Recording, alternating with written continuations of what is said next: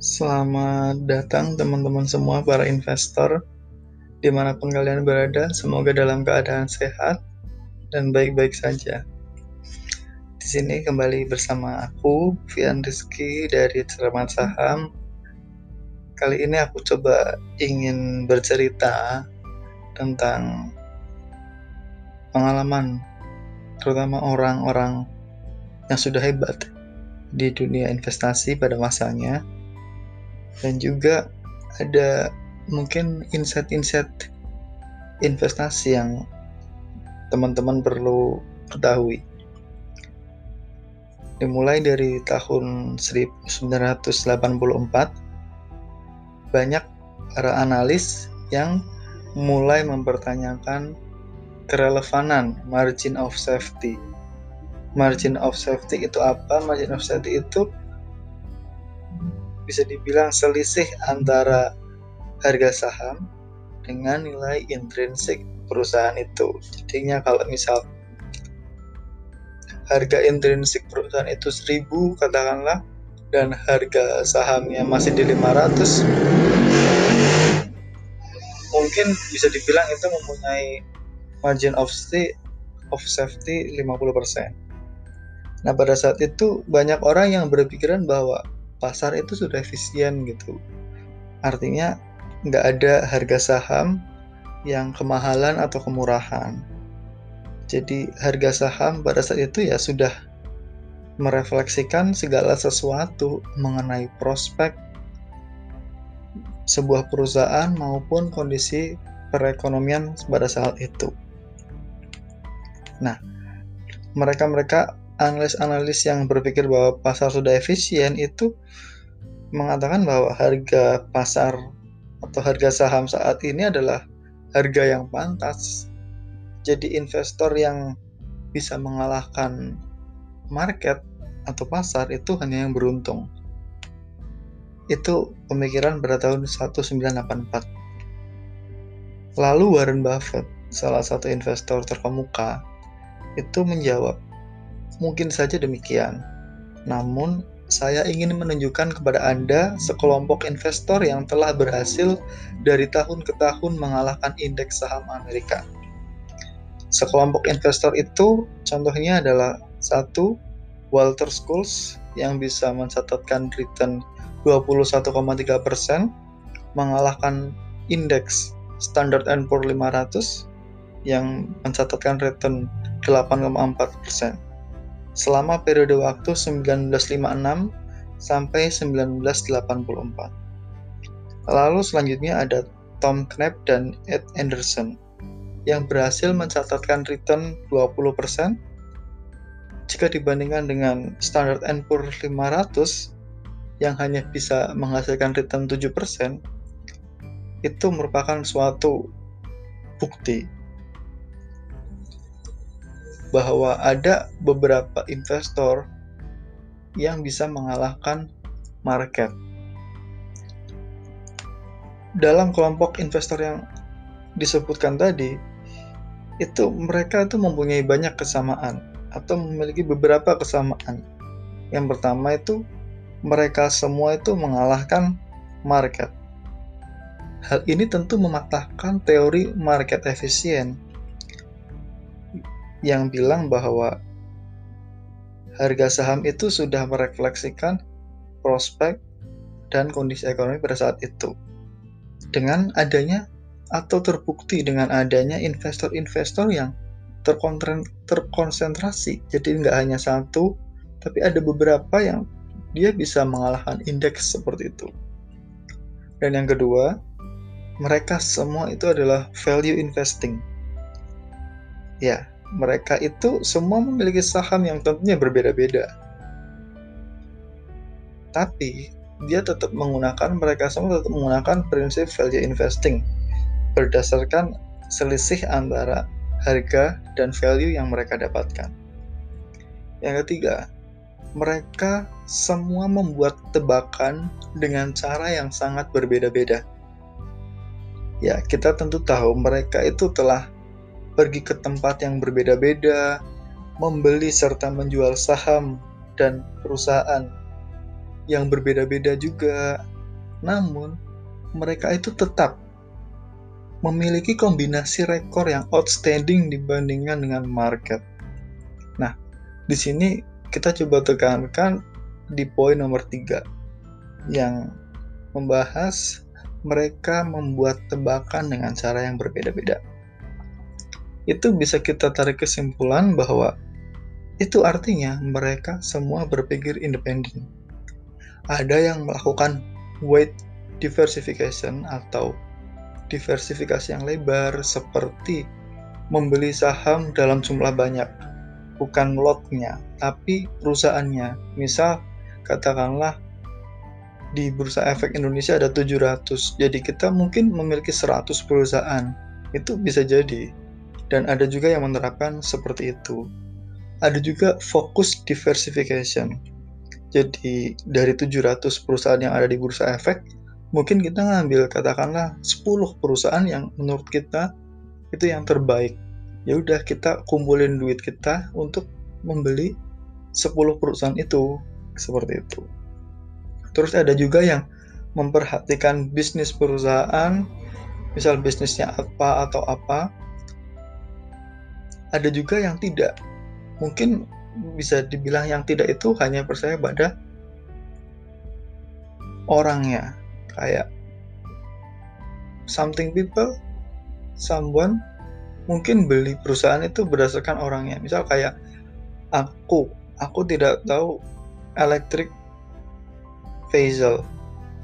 Tapi aku tahu kepribadian dari Elon Musk jadi aku tetap beli aja saham Tesla kayak gitu mungkin ada berpikiran seperti itu terus ada juga yang menyukai perusahaan blue chip blue chip mungkin kita kenal Contohnya seperti Astra, BRI, Bank Mandiri, BNI, dan lain sebagainya. Terus ada juga kalangan investor yang memilih saham lapis 2. Lapis 2 itu mungkin dikatakan mempunyai kapitalisasi pasar di bawah 40 triliun, mungkin bisa dibilang seperti itu. Seperti BRI Syariah, Selanjutnya ada Bank Jawa Timur mungkin, Bank Jawa Barat, kayak gitu-gitu. Terus ada juga yang lebih menyukai sebagai pemegang saham mayoritas. Misal contohnya kayak kita membeli saham perusahaan itu lebih dari 50% itu jadi pemegang saham mayoritas. Ada juga yang tidak. Kayak kita misal beli berapa lot berapa lot gitu itu ya nggak masalah gitu. Tapi satu persamaan dari semua pilihan tadi opsi yang tadi itu ada satu persamaan. They are still beat the market. Mereka semua mengalahkan market jadi kita tidak akan bisa menjadi yang terbaik dengan berpikir dependent atau berpikir sama dengan yang lainnya itu kita harus berpikir outstanding atau independent contohnya gini ada Steve Jobs dengan visinya membuat terobosan dan inovasi untuk Mac, iPhone, iPad, dan lain sebagainya. Elon Musk dengan SpaceX dan Tesla. George Soros itu orang yang menyebabkan krisis Asia. Jadi mereka itu berpikir dan mengambil tindakan secara independen gitu. Lalu gimana sih cara kita berpikir secara independen gitu? Kunci utamanya adalah IQ, EQ, emosional ya, bukan IQ, bukan EQ. Mungkin teman-teman pernah mendengar bahwa Sir Isaac Newton merupakan penemu hukum gravitasi. Saya yakin teman-teman pendengar di sini mesti tahu. Tapi apakah teman-teman pernah mendengar kalau Newton itu merupakan orang yang pernah mengalami kerugian di pasar modal atau di saham? Apakah IQ beliau kurang tinggi untuk bisa sukses di pasar saham? Menurut aku sih enggak sih. Kalau kayak gitu, kalau misal kita perlu IQ yang tinggi, mungkin hanya Einstein saja yang bisa jual di saham gitu kan mungkin aku berpikiran bahwa mungkin aja kalian bisa sukses, kita bisa sukses dengan IQ yang tinggi. Tapi kita akan jauh lebih sukses memiliki IQ yang tinggi. Seperti itu. Selanjutnya ada saran bahwa kita tuh jangan terlalu percaya dengan rumor sebelum kita itu menganalisisnya sendiri gitu loh. Jadi di dalam dunia saham atau pasar modal itu banyak sekali rumor. Rumor-rumor yang misal positif untuk perusahaan tertentu atau negatif untuk perusahaan tertentu gitu. Karena di pasar modal itu terlalu banyak kepentingan gitu. Jadinya kita harus benar-benar memfilter apa yang masuk ke kita gitu.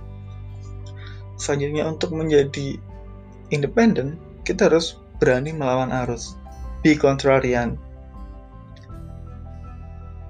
Salah satu kisah yang mungkin teman-teman banyak dengar di mana-mana gitu maupun di artikel tertentu. Mungkin ada kisahnya dari Pak Lokeng Hong, Pak LKH.